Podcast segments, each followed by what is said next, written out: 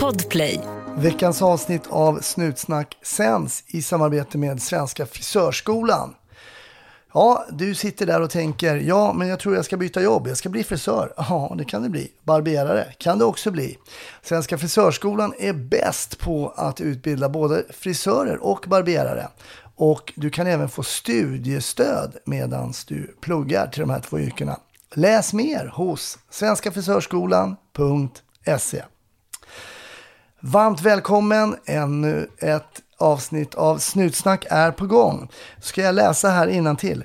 Genom sin energi, engagemang, mod, nyfikenhet, sociala kompetens och förmåga att snabbt ta till sig och omsätta kunskap i praktik och handling säkrar Robin återväxten för nya generationer av dedikerade och effektiva narkotikapoliser. Robin är oerhört värdefull för polisen och för brottsbekämpningen. Mm, det här är delar av eh, förslag till kandidat till Sveriges narkotikapolis som Robin har blivit. Alldeles strax så kommer han i det här avsnittet.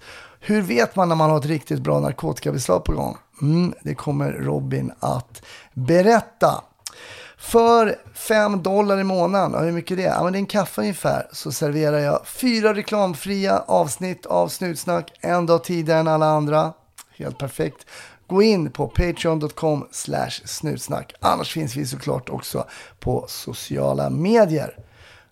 Var försiktig där ute och ha en riktigt trevlig lyssning.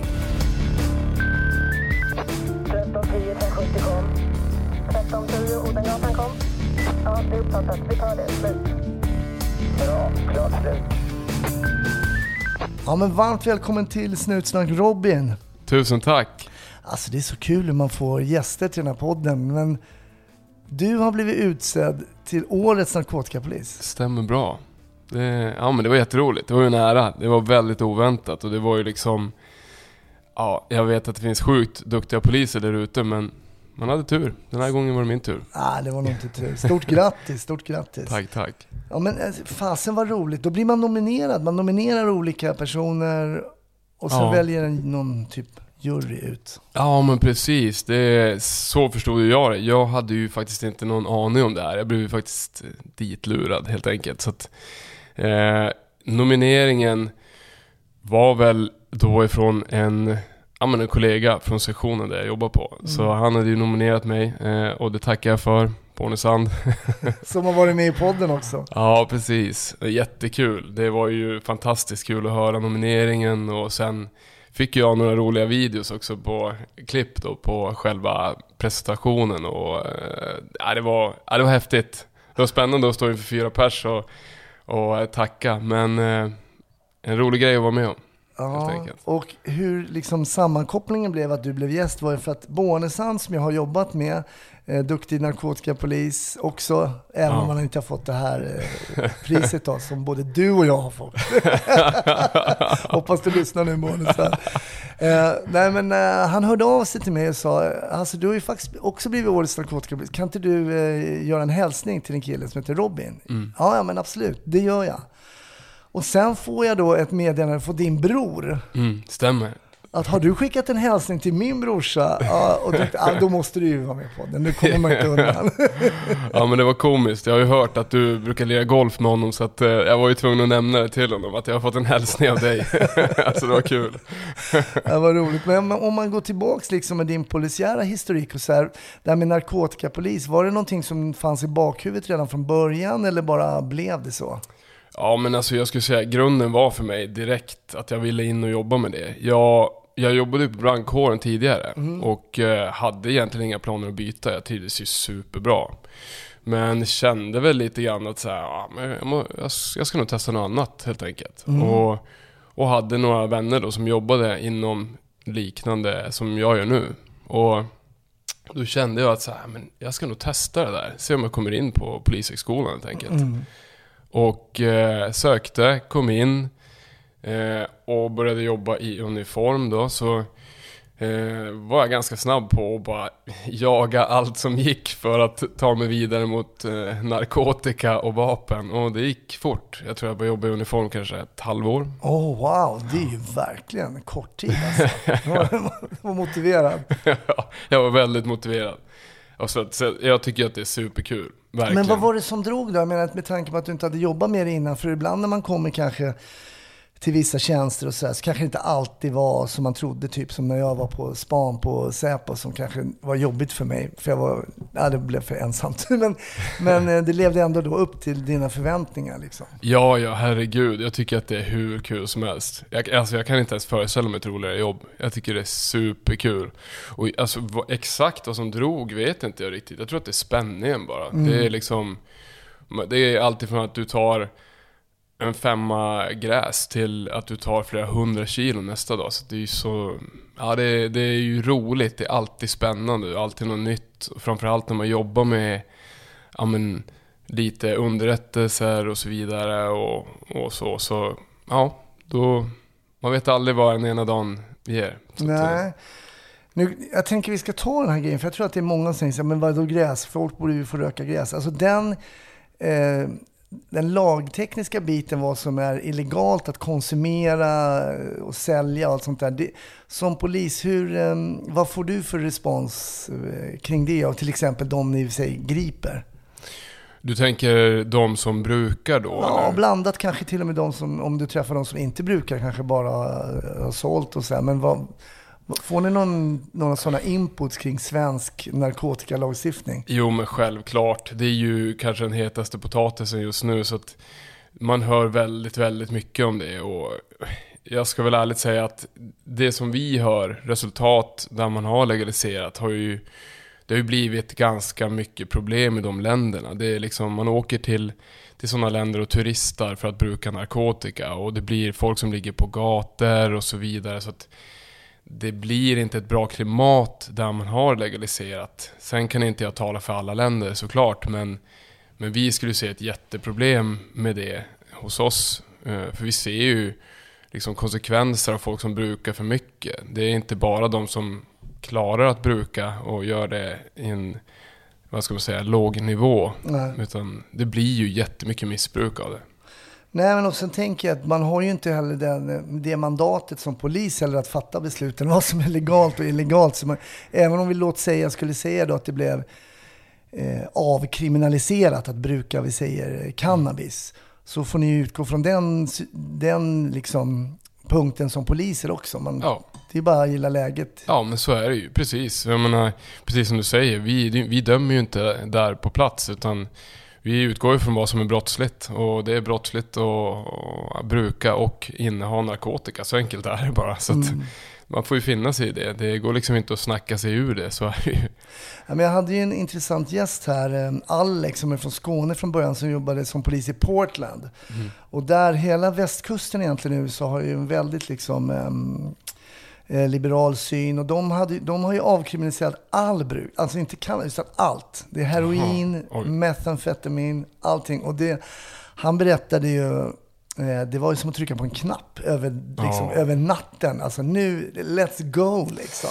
Herregud. Och de såg ju precis som du beskrev, folk som ligger på gatan, de har ju med sig det här Naloxon, heter det det? Mm, precis. Och liksom går och sprayar i näsan på folk så de vaknar till istället för dö av en heroinöverdos. Liksom. Ja men det är ju sorgligt, men då, då ser man ju nästan drivare med folk då som, som ligger där och är helt eh, avsmullna. Och jag menar, är det det som vi vill att våra barn ska se när man går runt på gator och så? så att, nej, jag vet inte. Vi hade några från Köpenhamn som föreläste för oss som just det. De har ju en viss del i Köpenhamn där de har så. Där är liksom, det är okej att bruka. Och det är ju lite samma där. Det är att gå igenom det området och behöva se allt det missbruket. Det är ju klart, det är ju tråkigt att det sker i hemmet också, men Men det har ju blivit inte. som en turistattraktion liksom Ja. för Köpenhamn att svenskar åker går igenom Christiania och Ja. tittar ungefär på djuren. Det är, det är precis. jättekonstigt. Ja men djur i bur, det är, ja, jag vet inte, jag tycker att det blir ett sorgligt samhälle så att jag är ju narkotikapolis och jag kan ju inte säga att jag brinner för att det ska vara, finnas knark öppet på gatorna. Det skulle kännas dåligt. Ja. Nej, men sen tycker jag också det är intressant för man ser ju också um, som polis så ser man ju också en del positiva effekter av den repressiva faktiskt politiken som finns. Att det kanske är illegalt att och en del som, jag kommer ihåg, vi plockade någon så här för första gången och pratade med föräldrar. Yes, nu får vi svart på vitt. Vi trodde att han kanske använde, men nu vet vi, nu ska vi agera därefter. Ja. Då funkar det. Det är ju härligt att liksom komma in i unga år, kanske inte pissa av en 48-årig heroinist på plattan. Det, det kanske man inte räddar någon. Nej men precis, det ger ju kanske inte så mycket konsekvenser av det. Men, men som du säger, att ta unga brukare kan ju vara en supereffekt. Och jag bara föreställer mig om, om jag, att mina barn skulle bruka jag misstänkte att de kanske gör det. Då kanske det är bra också att få kvitto på det av polisen att jo men det sker. Och, och så kan man kanske sätta lite hårdare regler då. Och, så jag håller med dig helt och hållet där. Jag tycker att det är bra att man uppmärksammar det då. Så att arbetet mot det, men det är ju också, det är ju så extremt stort nu. Jag menar det är ju, i nuläget så känns det som att vi ligger så långt efter. Det kommer ju rekordbeslag på rekordbeslag och ja, vi, vi har problem med det. Det går inte att komma ifrån. Ett poddtips från Podplay. I podden Något Kaiko garanterar östgötarna Brutti och jag, Davva, dig en stor dos skratt. Där följer jag pladask för köttätandet igen. Man är lite som en jävla vampyr. Man har fått lite blodsmak och då måste man ha mer. Udda spaningar, fängslande anekdoter och en och annan arg rant. Jag måste ha mitt kaffe på morgonen för annars är jag ingen trevlig människa. Då är du ingen trevlig människa, punkt. Något Kaiko, hör du på Podplay. Därför är gardinerna. Om vi går tillbaks eh, lite där vi började. Du berättade så här att vad som lite så här spänningen och det håller jag med om. Men om vi går tillbaks lite mer till kärnan i det spännande där. Du nämnde att ja, men ena dagen kanske man tar något litet mindre beslag, andra dagen tar man något, något större beslag. Men att komma fram till de här ärendena liksom, tyckte jag själv var väldigt spännande. För jag tyckte det som lockade mig mycket sen som narkotikapolis var att man liksom byggde verkligen själv. Alltså från information som man får in. Det var liksom inte så här, ja vi tror att de säljer knark på Plattan, kan ni åka dit? Utan man, man tar in information i teamet, kollar. Är- Vad tycker du om den biten liksom? Nej men det är ju superkul.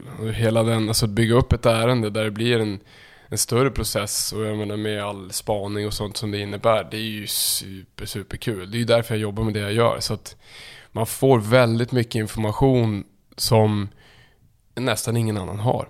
Och det kan ju handla om sådana här gödselsmängder med narkotika som, som folk, vanliga personer, kanske inte ens har någon aning om att det kommer in sådana mängder. Så att det är kul, det är jättekul. Eh, och själva uppbyggnaden av ärenden är ju spännande. Det går inte att komma ifrån. Men hur är det med information då? För att ehm, ibland träffar du ju folk som du griper och, och förhör och sådär. Försöker man eh, få information från typ alla t- tänkbara människor och hur, hur, hur jobbar ni där? Ja, men absolut. Det är ju, man ska väl kanske inte skylta för mycket med vem som driver mycket källor, men vissa brinner ju mer för det och, och andra inte. Men, men jag är förespråkare för det. Jag tycker att det är kanske det bästa vi har. Och många vill ju också bidra. Det är ju inte bara så att man känner att man är golare för att man har bidragit, utan man kan ju ha halkat snett av massa olika anledningar och känner att ja, men jag vill hjälpa samhället, samhället nu också. Så att eh, ja, jag, jag tycker att, att om man så säger källdrivning är kanske det viktigaste redskapet vi har inom väldigt många områden. Det är inte bara narkotika och vapen. Ja, det. Och det som är intressant är att en del är ju som skapta för att... Man blir ju helt fascinerad av en del poliser som lyckas få ur liksom saker och blir liksom...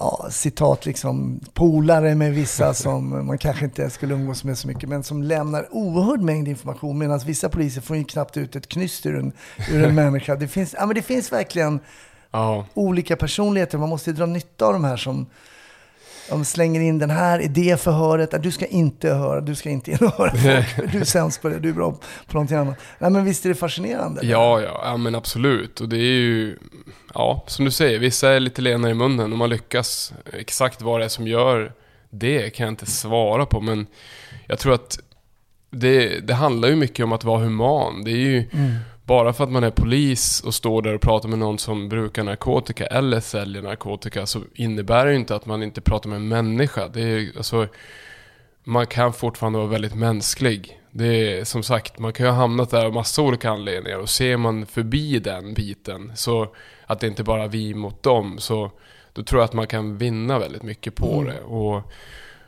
som sagt, många pratar. Det är så. Det är, så, ser, så ser samhället ut också. Så att, Kanske inte alltid bara om sig själva, utan nej.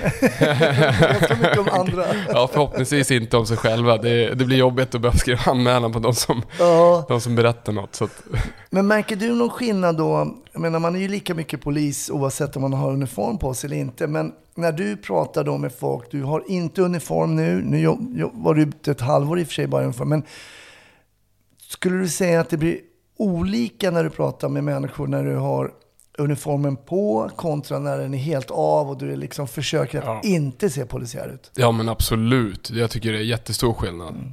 Nu som sagt, jag var inte jättelänge ute i uniform, men det är en stor skillnad. Man blir ju auktoritär på ett annat sätt när man kommer med en uniform. Och folk stänger sig, sluter sig lite mer.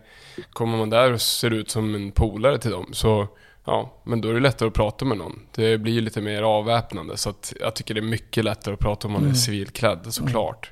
Och det är ju därför, om man säger förhörsledare och sånt, så är ju, de har ju guldlägen. Det är ju, de sitter ju i ett läge där du ja, men det är ganska behaglig stämning, det är inget hotfullt och så vidare. Så att eh, få någon som pratar lite grann där, det är ju, det kan vara helt avgörande. Hade en gäst också som pratade, han, var ju, han är ju Sveriges idag äldsta polis. Eh, han, en duktig utredare har varit ute i Rinkeby och hjälpt till lite med de här gängskjutningarna och så här. Men han har upplevt i de, eh, i de ärendena så är man otroligt tysta i förhören. Alltså man säger ingenting och sen först då kanske i huvudförhandling så försöker man då komma med en story då för men hur känner ni med eh, i de här narkotikabrotten? Eh, Är det lite samma eller? Ja, men absolut. Jag Det menar, så, det ja. ja, tystnadskulturen, ja, det, den är ju jätteutbredd. Så är det ju bara. Det är tyvärr. Det, jag menar, det är sorgligt att det ska behöva vara så. Jag menar, kolla 10-15 år bakåt i tiden. Då pratar ju folk i för. Men nu gör man inte det. Så jag tror att vi behöver en förändring på det där. Att, att det ska se ut lite mer som i Danmark. Att det du säger i första förhören, det måste också gälla vid en rättegång. Man kan inte komma med inga kommentarer ända fram tills det är rättegång och så har du hittat på en story. Det, ja, det håller inte tycker jag. Jag vet att i Danmark, och någon som är kunnig får rätta mig om jag har fel, men man, där kan man hålla vissa man kan hålla vissa bevispunkter fram till huvudförhandling. Liksom. Och den kan ju vara förödande om man har ljugit ihop en historia som är, ja, men den är helt falsifierad och så kommer man till exempel med, med någonting som åklagaren lägger fram. Det kan ju bli väldigt, väldigt tufft då. Men Ja, ja absolut. Ja, men ja, skulle vi få göra så här så hade det ju varit... Det hade ju underlättat med rättegångar. Men det är klart, vi har det system vi har. Och tyvärr ibland så känner man ju så att det är, liksom, det är ju polisiärt uppklarat. Alla förstår att det är den här som har begått brottet. Men de lyckas lura. Det är ju ställt utom rimligt tvivel som alltid landar i. Och, så ja, det håller inte alltid i rätten alltså. nej, det vet ju du. Det är många gånger Ah, nej, så. men det är ju frustration eh, och det är precis som du säger. Ibland vet man ju som polis. Alltså man vet och det handlar inte om att säga men det är 99% utan man har ju fått så mycket information och ibland kan man inte röja de som har berättat vissa saker heller.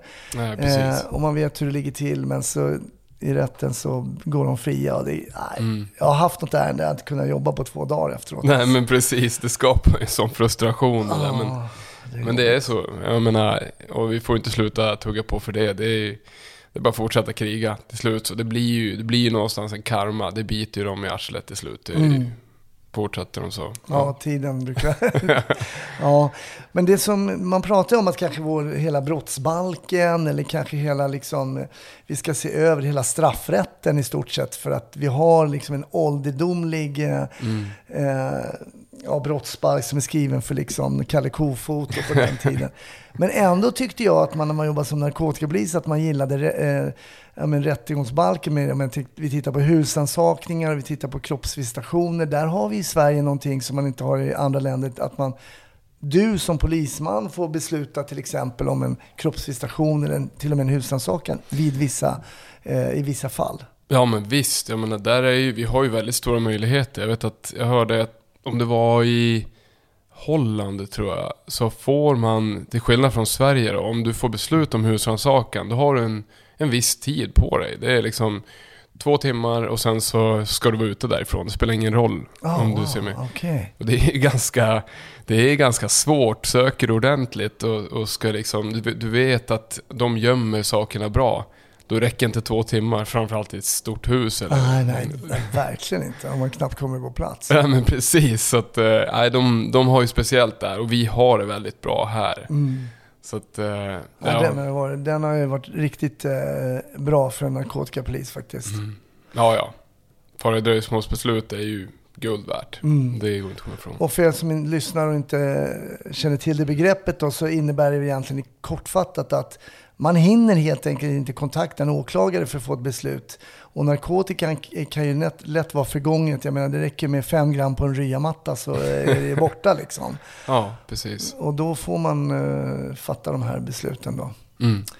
Och när man har jobbat ganska länge med narkotika så vet man ju när man kan och när man inte kan och sådär. Mm. Jag tror att narkotikapoliser är ganska bra på att fatta de här besluten. I, om man, I förhållandevis i alla fall om man jämför med till exempel ordningspoliser som inte jobbar med det här.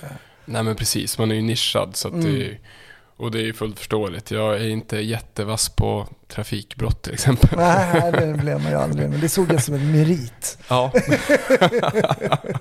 det är helt och hållet hur man ser på det.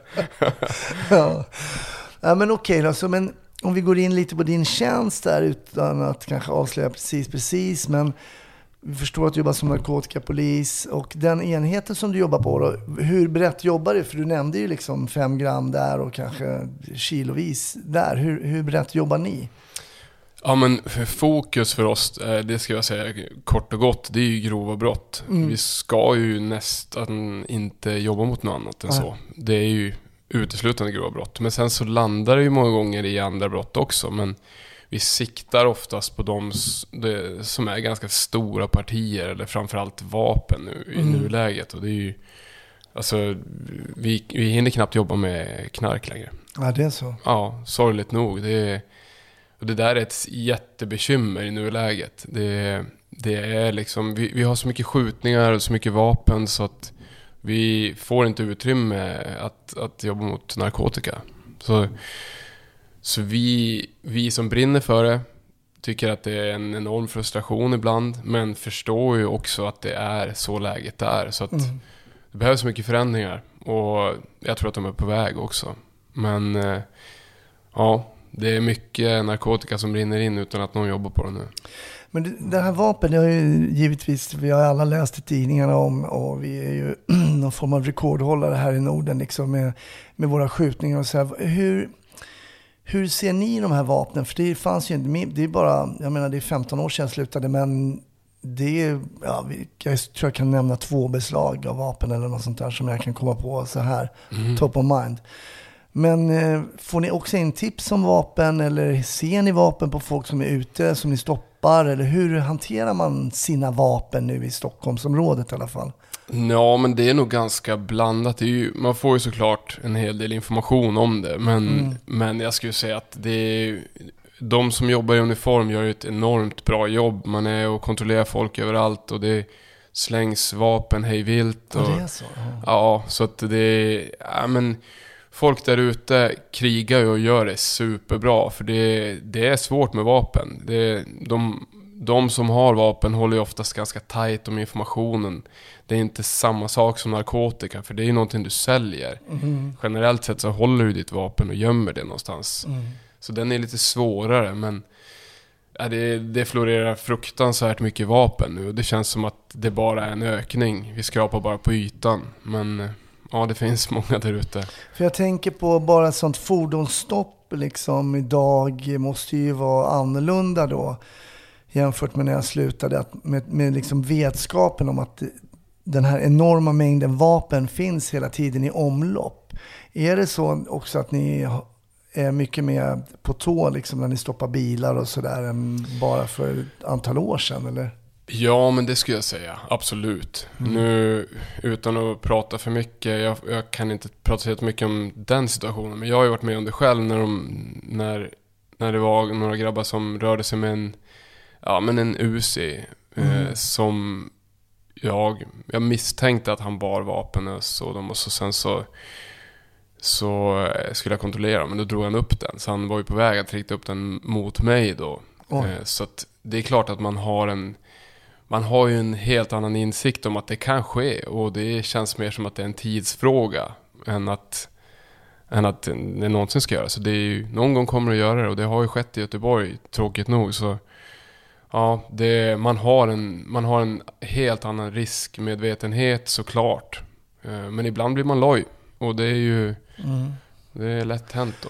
Nej men det, det är väl så på alla jobb. Man kan inte stå på tå på tå på tå på tå. Till någon gång måste man vila liksom benen och det är då kanske det händer. Det är det som är så läskigt. Mm, precis, det är det. Är det. Men den här Osin då till exempel, han, då misstänker jag, då blir man gripen. Det är ju en kulsprutepistol, en liten sån va? Mm. Eh, vad, vad händer med en, en sån kille då? Som, vad, vad får man för en sån här? Kommer du ihåg det här ärendet eller? Ja, och där får jag nog lämna därhän Ja. själva ärendet. Men, Mm. eh, men jag skulle säga att eh, man landar väl någonstans kanske två, tre år. Och sitter ju bara två tredjedelar. Så, att, Mm. så det är ju väldigt lågt straff. Och, och eh, många av dem skrattar ju nästan åt att de får det lilla straffet. Ja, det är så. Ja. Får ni den, jag tänker på attityden nu, får ni den riktade mot er också? Att de är, här kommer ändå inte få något. Alltså, får ni det också mot er? ja, men stundtals så får man ju höra det. Det är liksom... Det, det Så till och, med, till och med de kriminella tycker att jag får för lågt straff. Ja, då vet ja, man att det, herregud. då, är det, då är det något som är fel. Alltså. Ja. Ja. Jo men man har ju hört begrepp, begreppet några gånger, kaffervolta. Det är liksom, de åker in, tar en kafferep och sitter av lite tid bara för att pausa livet. Så att, det är ju sorgligt att det ska behöva låta så när det ändå handlar om väldigt grova brott. Men så är det. Kaffevolta. Ett poddtips från Podplay. I podden Något Kaiko garanterar östgötarna Brutti och jag, Davva, dig en stor dos skratt. Där följer jag pladask för köttätandet igen. Man är lite som en jävla vampyr. Man har fått lite blodsmak och då måste man ha mer. Udda spaningar, fängslande anekdoter och en och annan arg rant. Jag måste ha mitt kaffe på morgonen för annars är jag ingen trevlig människa. Då är du ingen trevlig människa, punkt. Något Kaiko, hör du på Podplay. Därför är gardinerna. Om vi tänker på jargongen gentemot er, man ser, och det har, vi, det har jag nämnt några gånger här, då kan jag få lite puls när jag ser klipp liksom när någon står 30 centimeter framför en polis och smädar och, och sådär. Hur blir ni bemötta liksom generellt när ni som civilpoliser då stoppar och pratar kanske med, med kids eller med de här, den här businessen? Hur, hur blir ni bemötta skulle jag säga? Ja men där jag jobbar så ska jag säga att vi har ganska bra bemötande ändå. Det, ehm, det, jag tror att de i uniform har det lite tuffare. Det är vad vi brukar se ibland i alla fall. I och med att vi kan sitta på avstånd ibland och, och kanske ha en spaning. Så, så ser man att de får ju möta ganska mycket skit. Vi har kanske, de har lite, ibland lite mer respekt när man jobbar i, civilt. Ibland så upplevs det så i alla fall. Så att eh, stundtals väldigt dåligt såklart. Men eh, överlag ska jag säga att vi är ganska gränssättande så att då, då brukar det inte vara så stora problem. Nej. Vad menar du? Ni är tydliga alltså helt enkelt? Ja, det kan man nog säga att vi är. Ja, men det, jag tycker det är intressant den där grejen. De får ju ordn, på ordningspolisen där, eller mm, IGV eller vad man kallar De får ju verkligen ta första stöten. Och oftast kommer man ju dit när man gör det här halvåret kanske. En del gör Mm, lite äldre exakt. halvår. Men och då, och då är man inte riktigt skolad i surret heller. Alltså, för det tar ju ett tag att få in ett bra snack. Alltså, när man har fått ett bemötande liksom en gång så är det svårt. Har man fått det hundra gånger så vet man ungefär hur man ska ducka vissa saker och sånt.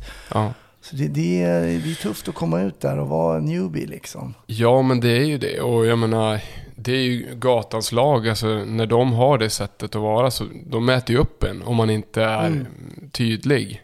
Så Och de märker ju direkt vem som, har, vem som eh, är ny på, på jobbet, det säger man. Det behöver Ja. inte vara som på McDonalds eller så, eller på något hotell, så här, ny på jobbet. nej, Den precis. skylten behövs ju inte ibland på nya poliser. Nej, nej. Tyvärr, det är tufft. Jag menar, att möta några stycken som har väldigt mycket så här alfahanne-beteende, då, det blir otäckt. Och så vet man att de är grovt kriminella, så det är inte alltid behagligt. Men, ja, men du vet ju. Ja, vara. nej, det kan vara riktigt obehagligt. Verkligen, verkligen. Och där får man ju fejka då att man inte har puls på 180 liksom, och stå där och le liksom och bara "Ja, grabbar nu får ni lugna ner. Ja, nej men det är ju, det är en skola att bli tränad i verkligheten liksom. Mm. Ja, ja, absolut. Ja, men helt klart. Det är, stundtals så är det ju skådespeleri helt enkelt. Precis som du säger. Man får bara bita ihop och le. Ja, ja, shit alltså. Det har man gjort några gånger. Och ibland har det ju funkat väldigt bra liksom. Och ibland så är det inte lika bra. Nej, man kan ju uppfattas som en psykopat om man bara står och ler också. Så. Ja, oh, så är det faktiskt. Så är det. Nej, men jag tycker att det brukar ju funka. Man försöker ju landa ner lite. Sen tror jag det också var lite lättare när jag jobbade. Man var också ganska jämngammal.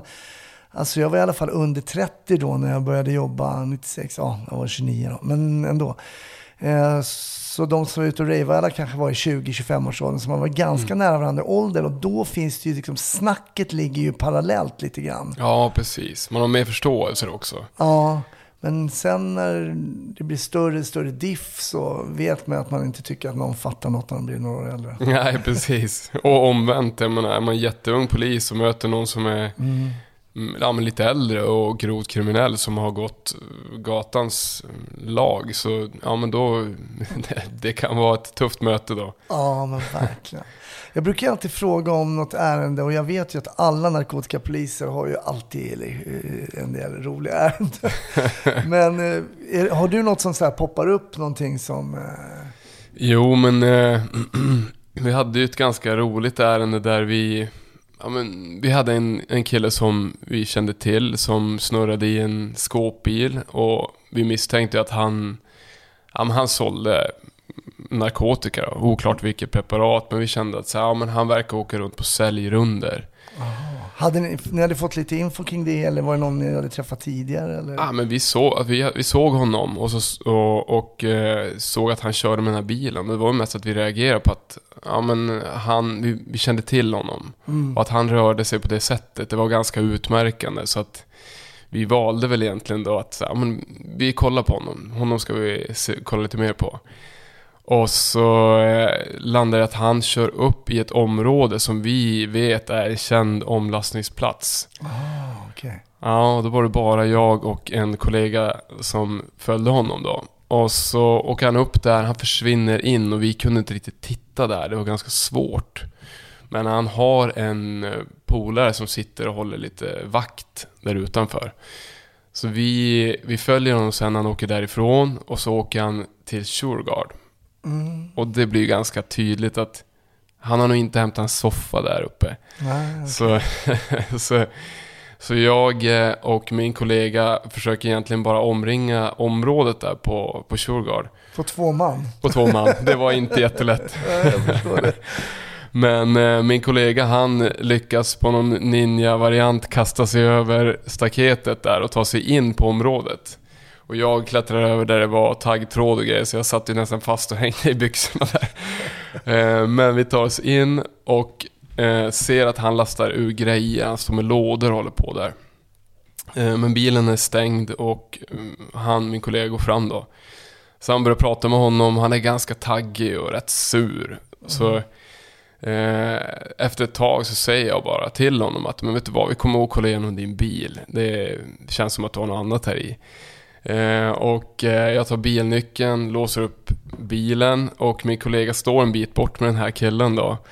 Och de står och tittar mot bilen och när han ser att jag ska öppna bakdörrarna på den här skåpbilen då, det är ju ganska stort utrymme. Då säger han till min kollega, stannar liksom till och så tittar han på honom och bara Bror, det här kommer att vara ett riktigt storkuksbeslag.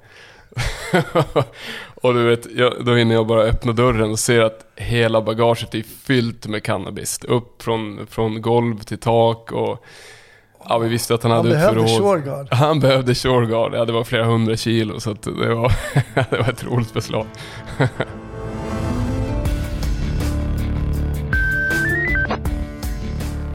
Där rundar vi av avsnittet eh, för den här veckan för dig som inte är Patreon. Men det blir ju lätt på patreon.com snutsnack. 5 dollar i månaden och du får fyra reklamfria avsnitt av Snutsnack. Eh, en dag tidigare än alla andra också faktiskt. Så smitt in och fixa det, det är det väl värt. Annars hoppas jag att du lyssnar även nästa vecka. Ha det fint fram till dess. Hej så länge.